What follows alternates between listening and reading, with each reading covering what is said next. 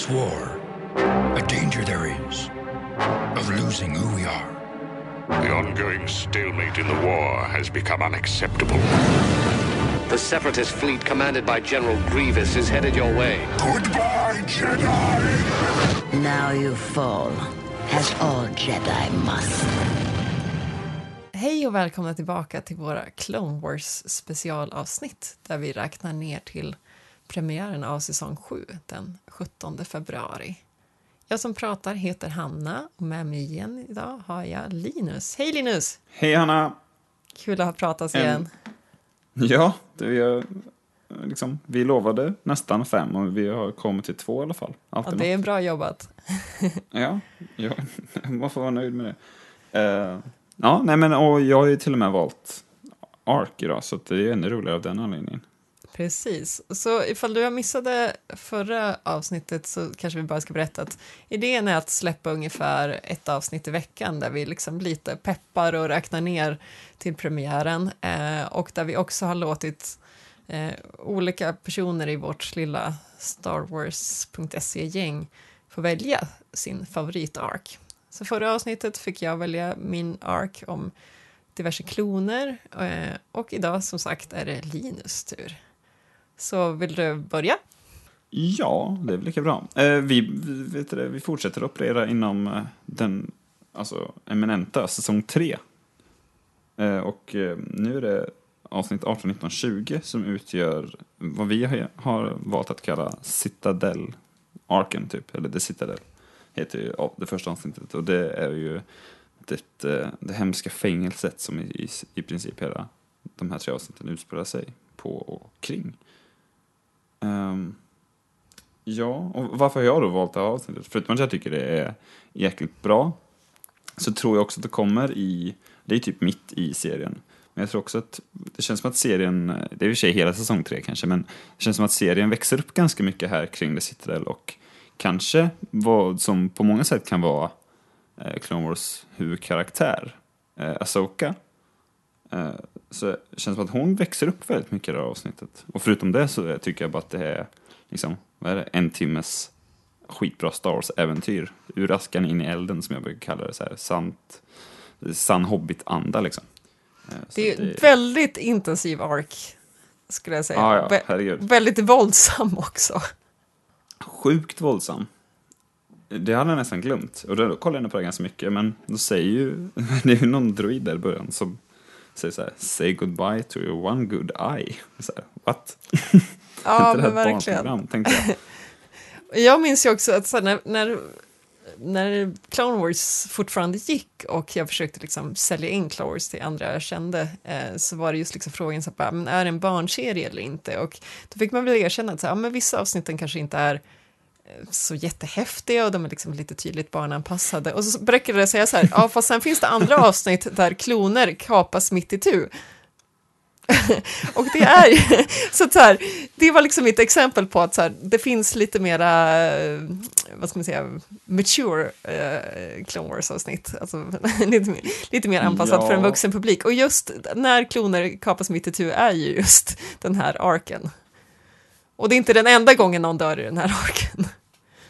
Jag, jag tror att man, eh, det är ganska stor skillnad på om, så här, om det här är dina första Clone Wars-avsnitt eller om ditt första Clone Wars-avsnitt är när R2D2 och C3PO ska gå och köpa frukt liksom.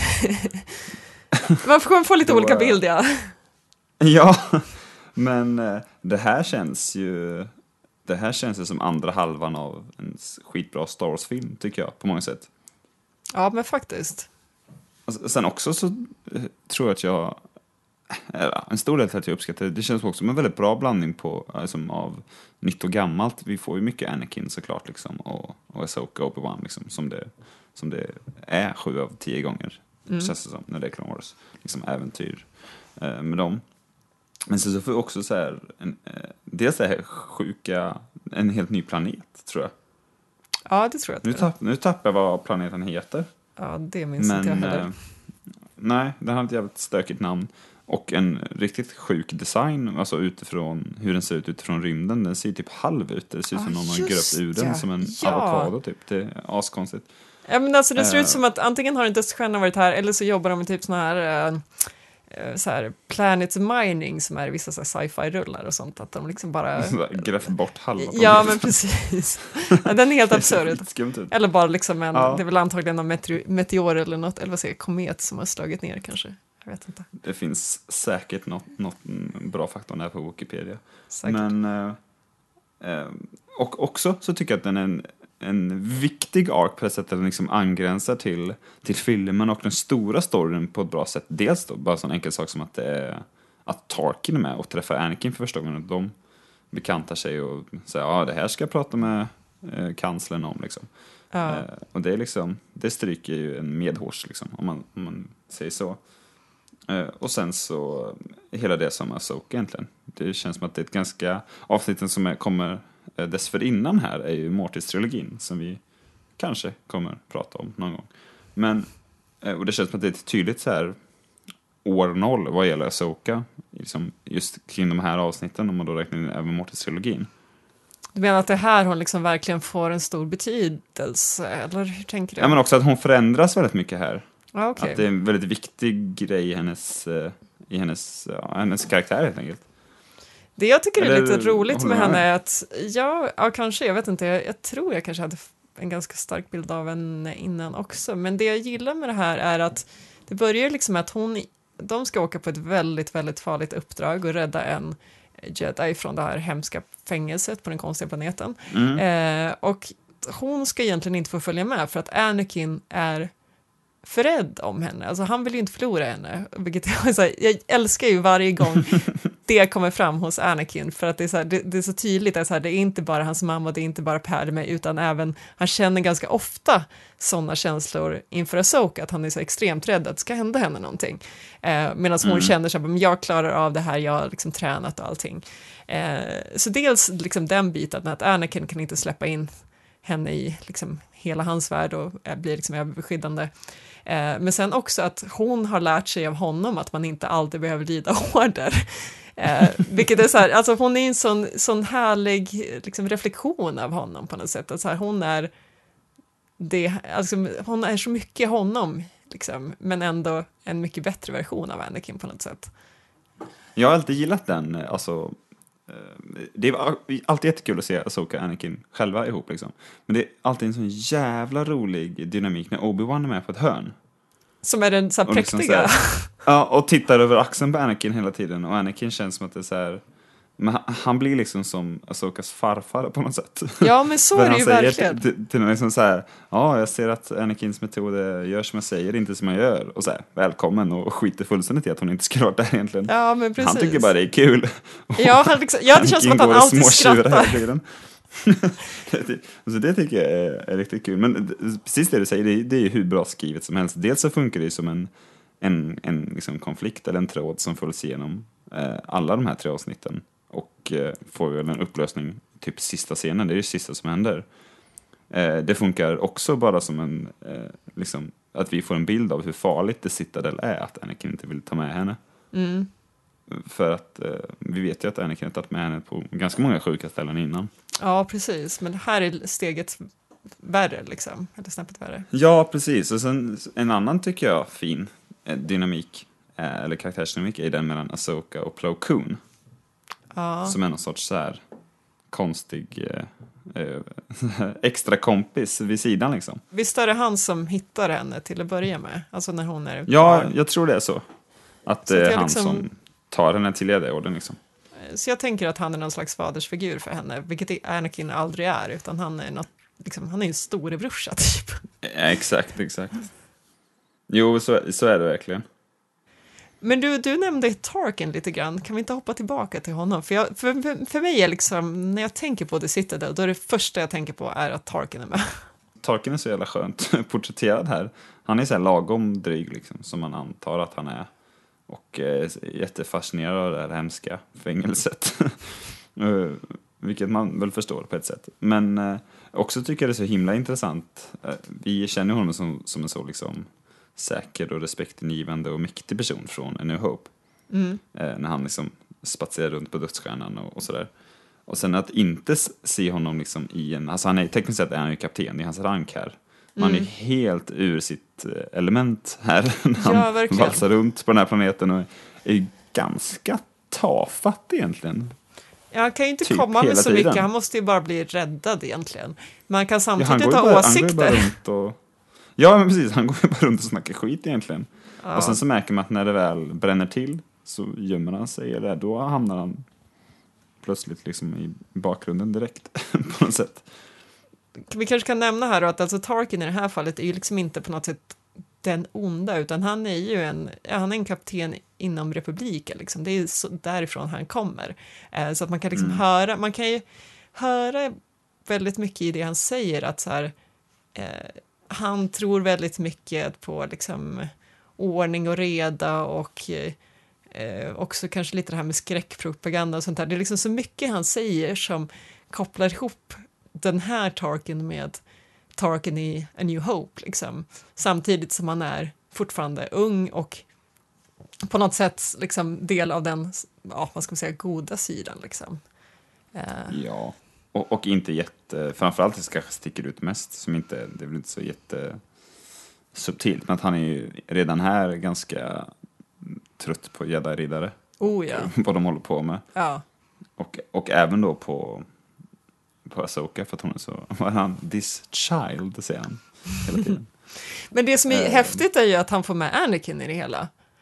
Att det är liksom, Ja, Anakin viker sig lite. Jag skulle säga att han viker sig ganska mycket, alltså så här, han håller ju med eh, Tarkin i att liksom så här, det, Jedi-ordens metoder är ineffektiva, till exempel på samma sätt som han i Attack of the Clones pratar med Padme och säger att liksom så här, det kanske inte är så smart med demokrati.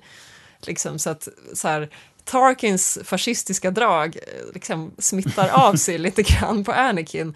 Eh, och det är uppenbart att Asoka håller inte alls med Tarkin medan Anakin blir liksom lite förförd av Tarkins sätt att prata och hans idéer.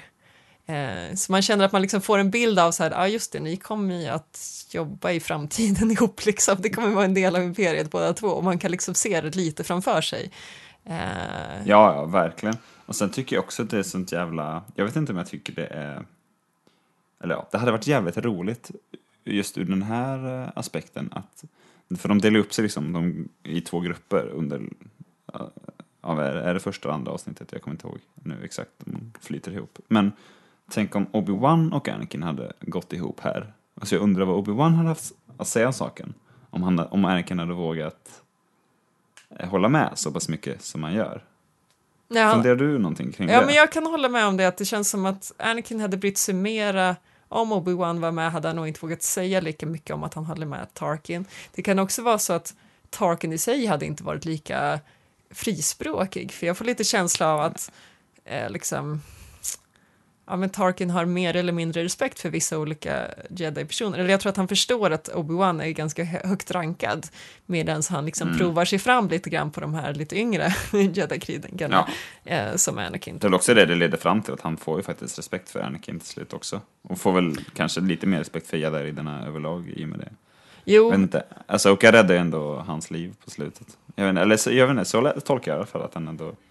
Ja, Jo, har jo det, poäng det kan jag hålla med om. Att han kanske, det jag menade kanske med Obi-Wan, jag vet inte om jag skulle säga respekt kanske, utan mer just det att han förstår att så här, jag ska inte snacka skit om Jedi-orden när jag har en av så här, Jedi-rådets... Liksom, Ja, nej, nej, nej, alltså jag, jag höll med dig, jag fattar det. Men alltså, och det kan man jag hade ju inte... Jag hade nog vågat snacka mer skit inför Asoka än inför Yoda. Om man säger så. Ja, precis. Så han liksom, jag tror han förstår rankningen, liksom. han respekterar att det finns olika rankningar även inom Jedi-orden och att eh, det är därför han liksom vågar mer eller mindre.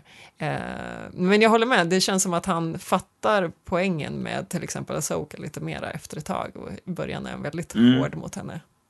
Ja, verkligen. Alltså, en fråga. Mm. alltså, en, en, av, eller fråga, jag vet inte. Jo, men det, är- det, en, en av sakerna jag alltid har tyckt varit lite så halvdana med det här avsnittet, det är eh, Carbonite-grejen. Den är väldigt sådär, haha! Att Anakin, jag har en idé kring det liksom. Så. De ska åka på kablar, de- alltså att de åker på kablar, eller vad säger du? Nej, Carbonite. Ja, Carbonate, ja förlåt. Alltså i början, när de fryser, för att liksom Ja, ja, ja. eh, undvika att bli upptäckta liksom. När de skannar för livsformer. Just det, du, du menar att... Det känns... Ja, fortsätt. Ja, men att de fryser ner sig till alltså, Carbonite och Ja. att det är liksom mm. Agnaughts som gör det. Precis som Empire. Det känns som en klick fanfiction mitt i all, all bra Star Wars på något sätt. Det kan jag hålla med om, för att det känns ju också som att alltså, när Han Solo frys, fryses ner i Cloud City så får jag dels känslan av att så här, det här är extremt farligt. Man vet liksom Ja. knappt om de kommer att överleva det hela. Och visserligen så här, det är mycket som spå- stå, står på spel i The Citadel och så här, de vet ju att de kanske inte kommer att överleva det här uppdraget. Men jag, jag får liksom inte bilden av att så här, de räknar med att hälften stryker med, med redan från början genom att frysas ner i Carbonite. Eh, Det är ingen som är rädd direkt liksom. Eller ingen som är orolig. Nej, är så här, "Ah, Ja, ja, nu precis. kör vi. Men sen Och så känns det också... gör det utan att någon märker det liksom. Hon får väl lite hjälp av Koon kanske, jag vet inte. Ja, Eh, okej. Men eh, det känns som att, eh, eller någon annan, det känns som att det är också som att det är liksom så här, det här är en beprövad metod och det har inte jag någon liksom, minne av att det känns som i eh, Empire. Liksom. Alltså jag fick liksom mera känsla av att så här, nu har vi lite nu har vi en Carbonite nedfrysningsapparat här i Cloud City för att vi är en så här, mining city eller vad de nu är. liksom. Men Men det känns mer som här- en industrigrej liksom, än att det är någonting man så här, generellt sett gör. Och för att jag, jag alltid också sett det som en nödlösning för att säga, ja, men hur annars ska vi kunna få in Luke Skywalker levande liksom till kejsaren? Då måste vi liksom söva Ja, just honom det. Ja, precis, sätt. precis. Eller? Jo, men jag håller med. här, De ska ju prova det på honom. handfängsel Ja. räcker liksom Nej. inte. Eh, så har jag. Och, Jo, men jag, jag Och- tror också att det, är, liksom, ja. det känns som att det finns någonting där som inte riktigt motsvarar det vi ser i Clone Wars.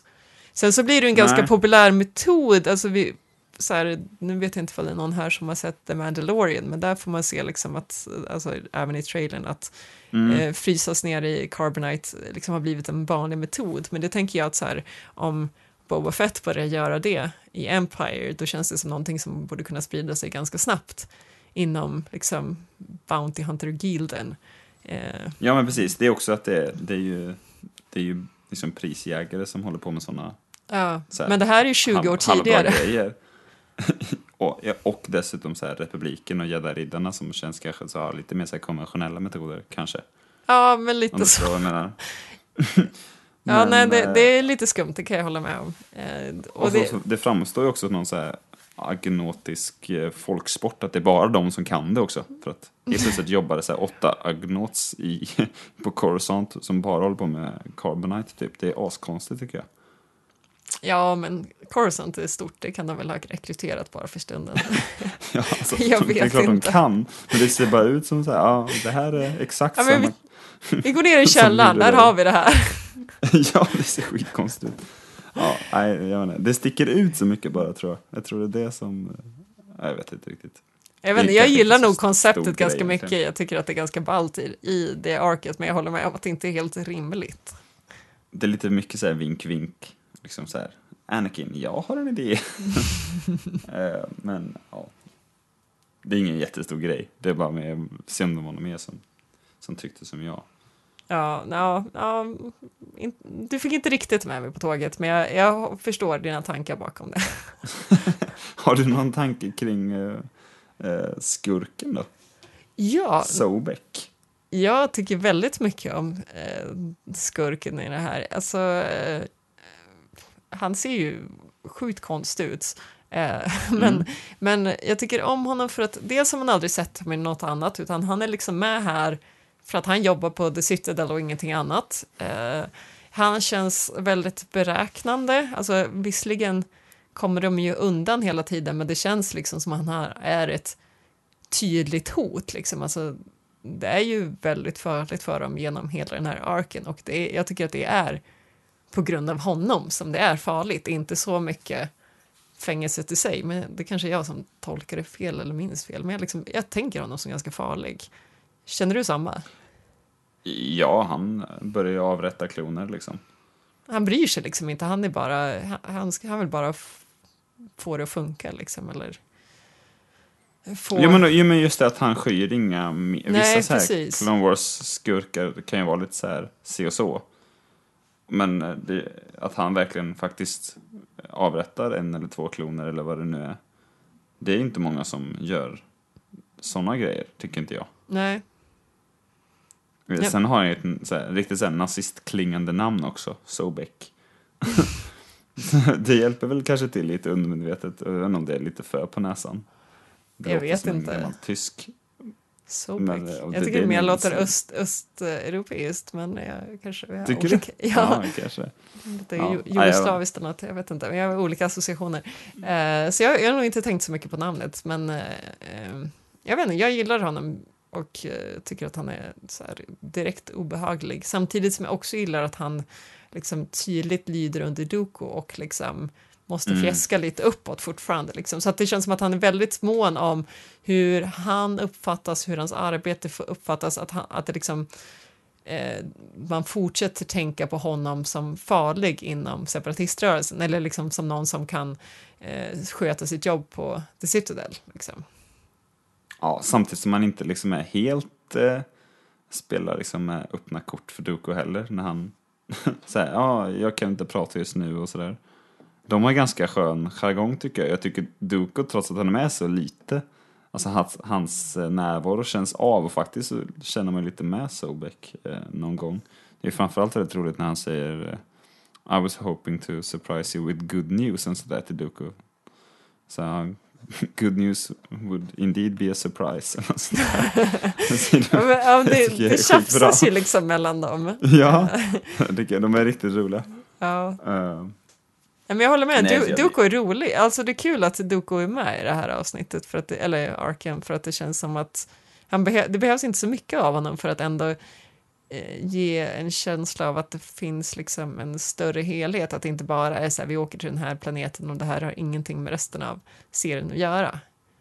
nej, nej, precis. Och, och det får man nästan ännu mer av i slutet på sista avsnittet när, när det är eh, Plo Koon och Yoda och Window och Saisi Tin och vad heter han nu då?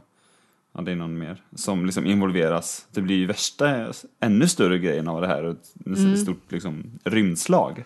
Ja, precis. Ja, det, det, Så, ja, det går det från ganska verkligen- småskaligt till väldigt Ja. storskaligt. Det känns jävligt, jävligt coolt och helt plötsligt står Adi Gallia med och snackar och sådär och det involverar mycket och så jag gillar alltid när man får se eh, så här, vad som skulle kunna kännas som en dag i Gädda-templet. Att ja, nu råkar Adi Gallia hänga här så nu kommer hon med lite råd också. Ja, men visst. så här, hon hade Inga konstigheter. Ja, men så här, ja, hon är här och ja, idag hänger eh, typ Agent Kolar med. Nu minns jag inte om just han var med, men eh, att det känns liksom Ja, man, man, helt enkelt så får man ju en helt ny bild av alla de här stollarna som bara går bredvid och sitter på stolar och syns i bakgrunden i filmerna liksom. Mm. Eh, och det tycker jag är fruktansvärt jäkla kul. Typ som Evan Piel då, är ju kanske det starkaste exemplet såklart. Som bara, bara står och ser jäkligt trött ut typ på den här prisceremonin i Phantom Menace. Han ser ut som aldrig haft så tråkigt i hela med? sitt liv. Ja, Jag tror okej. att han är med där, jag Ja. för mig. Och, och här är han ju, han är ganska så här, Han har en ganska rolig, stor roll med Ja, glimten i ögat höll jag på att säga, men det var ju taskigt kom jag på. Men han tycker jag är, jag vet inte, förvånansvärt rolig. och Det är nästan synd att han, att han dör här i liksom sina enda avsnitt, för jag tycker han är så rolig att följa. Han Ja. skiljer sig ganska mycket från alla andra gäddor också, att han är ganska så här barsk och hård på ett helt annat Ja, sätt. Och absolut. Anakin ska ju Ja. skäm, skämta hela tiden. Eh, och sådär, och det är också kul. Han Men är det- lite mer som Mace Windu på det sättet. ja, precis. Jag tänkte precis säga, han känns lite mer Winduskt. Eh, där har vi samma grej så här att det känns som att, eh, som jag babblade om, att jag tycker att klonerna får lite variation i, i, i den arken jag pratade om förra gången, så känns det just som att så här, eh, diverse olika jedi-mästare får ju lite mer personlighet och så här, det är ju inte bara det här, så här väldigt harmoniska som, liksom, alltså ibland känns det som att så här, alla jedis är så himla så här lugna och mysiga och mediterar och är behärskade och sen är det bara Anakin som sticker ut från det. Men egentligen är det ju så här ganska spretigt i deras personligheter också. Det känns helt rimligt att det är så också. Det, det är liksom så det ska vara. Sen råkar de ha liksom en stark eh, order eller sekt eller religion som binder ihop dem, men det är fortfarande variation inom varje person.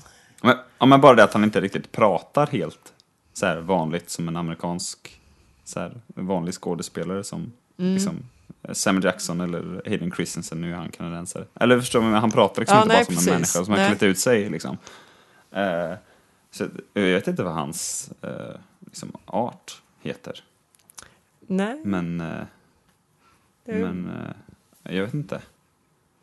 Nej, jag jag tycker om honom jäkligt mycket i alla fall. Mm. Och, och hela den här grejen med vad informationen faktiskt är. Vad är det koordinater för så bra hyperspace-vägar typ? Ja, det här skulle jag komma in på när vi pratade om eh, så här att ifall saker har betydelse eller inte. Det som är lite konstigt med den här arken det är att det får väldigt stor betydelse, liksom den här informationen som, vad heter han, Peel har. Mm. Alltså han sitter på nya koordinater för en, så här, liksom en ny hyperspace lane som kan så här tip the scale of the war, alltså har väldigt stor betydelse i kriget, så här, vem som ska vinna. Eh, och det slutar liksom med att då han eh, har hälften av koordinaterna och Tarkin har andra hälften.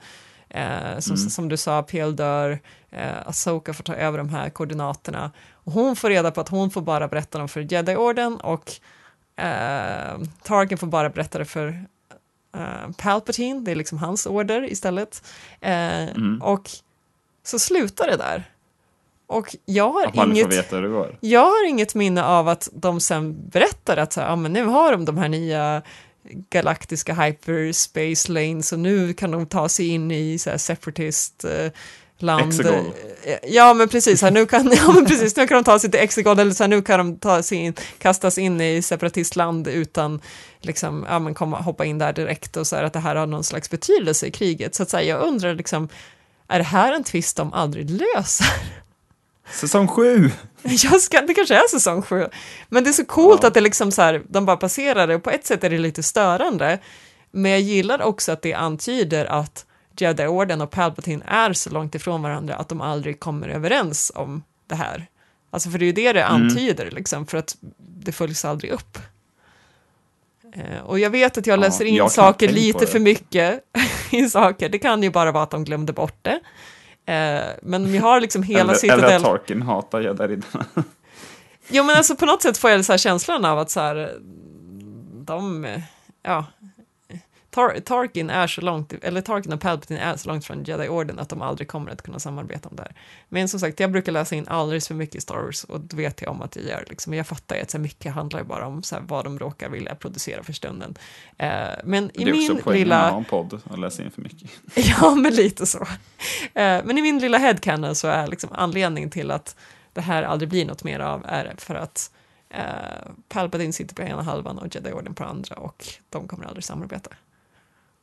Jag har knappt tänkt på det förrän jag såg det faktiskt nu igen. Så här, vänta, Mm. vad fan händer med det nu då? Sen så tänkte jag bara så här, "Ah, ja men då kanske Asoka säger det till Yoda och så säger Tarkin det till Palpatine och sen så möts Yoda och Palpatine och så säger de det till en tredje Ja. person. Eller så här, jag vet inte. Det måste Nej, lösas på något sätt. jag vet inte. De vill Jag- båda åt samma grej på något sätt. Eller åtminstone måste Palpatine ge skenet av det. Så jag vet inte. Precis. Men eh, det är ingenting jag... Jag har uppenbarligen inte tänkt på det, så jag har klarat mig utan det. Men, jag, eh, jag försökte söka på det i Wikipedia och där hittade jag inget mer än just referenser till den här arken och ingenting mer än så. Eh, så jag tror inte det finns något tydligt liksom, story kring det, åtminstone inte, nu kanske jag var inne på Canon Wiki- Wikipedia, det är lite rörigt med det där. Ja, okej. Men, Men det, eh, det jag dock kommer tänka mer på är alltså det här med eh, liksom hyperspace lanes, kallar de det det eller? Mm. Något sånt i alla fall, med vägar. Att det utforskas väldigt lite i Star Wars. Utan man får ju man får ju nästan känslan av att man kan åka hy- hyperspace lite hur som helst, när som helst, var som helst. Mm. Förutom att Hans Olof säger ibland så här, ja, du vill inte åka in i en stjärna, det är tråkigt liksom.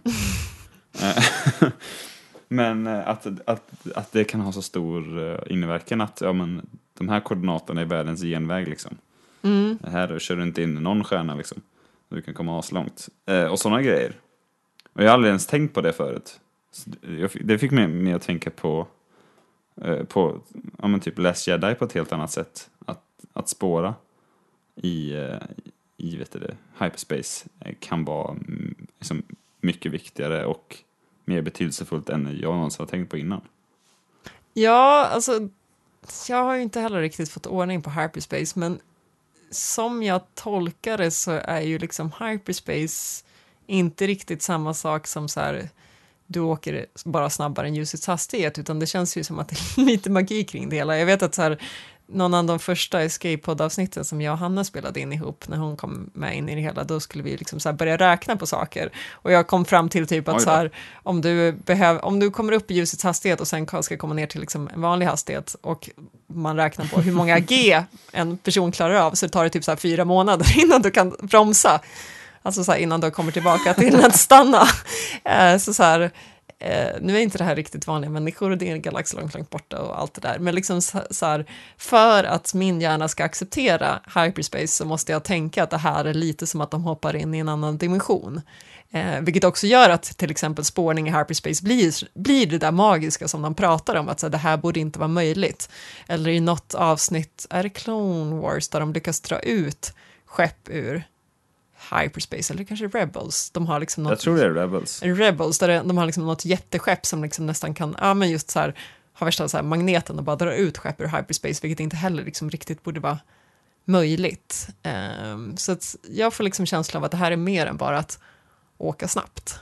Ehm, men jag, Ja, men jag, är inte, jag är inte riktigt rätt ute, för det handlar ju också om så här, alltså när jag fick reda på att parsec är inte en tidsenhet utan en avståndsenhet, då ställer ju liksom allting på en sin spets liksom.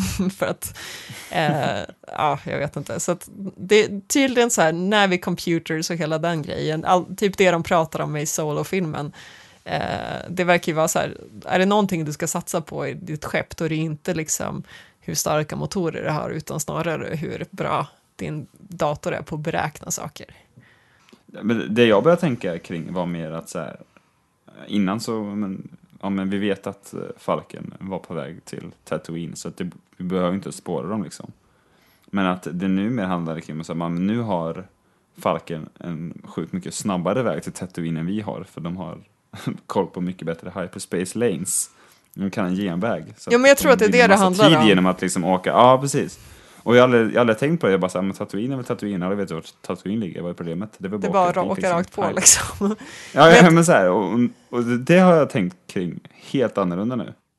Men sen tror jag det också har att göra med hur smidigt skeppet är, för att jag tror att liksom, man hoppar ju som i steg när man ska någonstans. Eh, Mm. och då tror jag det handlar lite om så här, hur mycket man kan, hur, hur mycket skeppet kan liksom ändra vinkel och lite sådana saker, hur manövrerbart det är när man väl stannar till på olika ställen. Eh, så man hoppar liksom in och ut i ett antal steg, tror jag. Så, Alltså- ja, men är inte det de gör i, i vet du det, Rise of Skywalker, bara att vi får se det på ett helt annat och lite Ja, precis, där får, ja, precis, där får man se det. Ja. Eh, men jag tror att det liksom Och de använder det mer som ett sätt att fly Ja, där, precis. istället för att ta sig någonstans. Men jag och tror att det, lite, lite stökigare än, och lite mer på måfå än... ja, fan, den där scenen är ju... Det där, den där scenen är lite som en eh, beskrivning av hur resten av filmen ska vara. I tempo. Man bara, Den är också en liten klick av fanfiction på något sätt. ja, kanske. Så här, man tänker på hoppar fort som fan mellan Bespin, Tatooine och... ja. Ja. visst. Eh, Ja, nej. Är vi, har vi, är vi färdigpratade om, om det här eller? ja, men jag tror det. Alltså, det, det, är känns en Vi härlig har pratat ark. Star Wars-geografi i tio minuter nu, så det som... Vi kan ju ko- återkomma till oss, eller vi kan ju eh, nämna det att eh, om du lyssnar nu och har lite bättre koll än oss på hur Hyperdrive Ja. fungerar så får du väldigt gärna kommentera eh, till det här avsnittet eller eh, mejla oss eller motsvarande. Men gärna kommentera kanske på Facebook, det är nog det lättaste. Eh, för att vi har ju uppenbarligen inte superbra koll. Nope. Eh, men eh, ja, tack för att du kom på en bra ark. Den här är julig skulle jag säga. Det var kul att se om den också. Ja, det här har nästan, det här har nog blivit eh, den ark ihop med den här arken som det verkar bara vara jag som gillar när droiderna är på uppdrag med Meeber Gascon. Eh, det har blivit de här arken jag slänger på i bakgrunden när jag så ska halvtitta lite och samtidigt laga mat eller någonting. Ja, okej. Då är Så den här jag kommer sätter till. ganska mycket. Ja, Ja, nej, för mig var det Ja. länge sedan. Det var nog flera år sedan jag såg den. Men det var, det var jättehärligt att komma tillbaka till den. ja jag Eh. tycker det är klockrent. Och tack ni som lyssnar för att ni är med oss igen. Så ses vi igen om, eller hörs igen om någon vecka eller så. Ha det bra Yes. så länge. Ja, hej då. Hej då! Roger, roger, roger, roger, roger, roger, roger.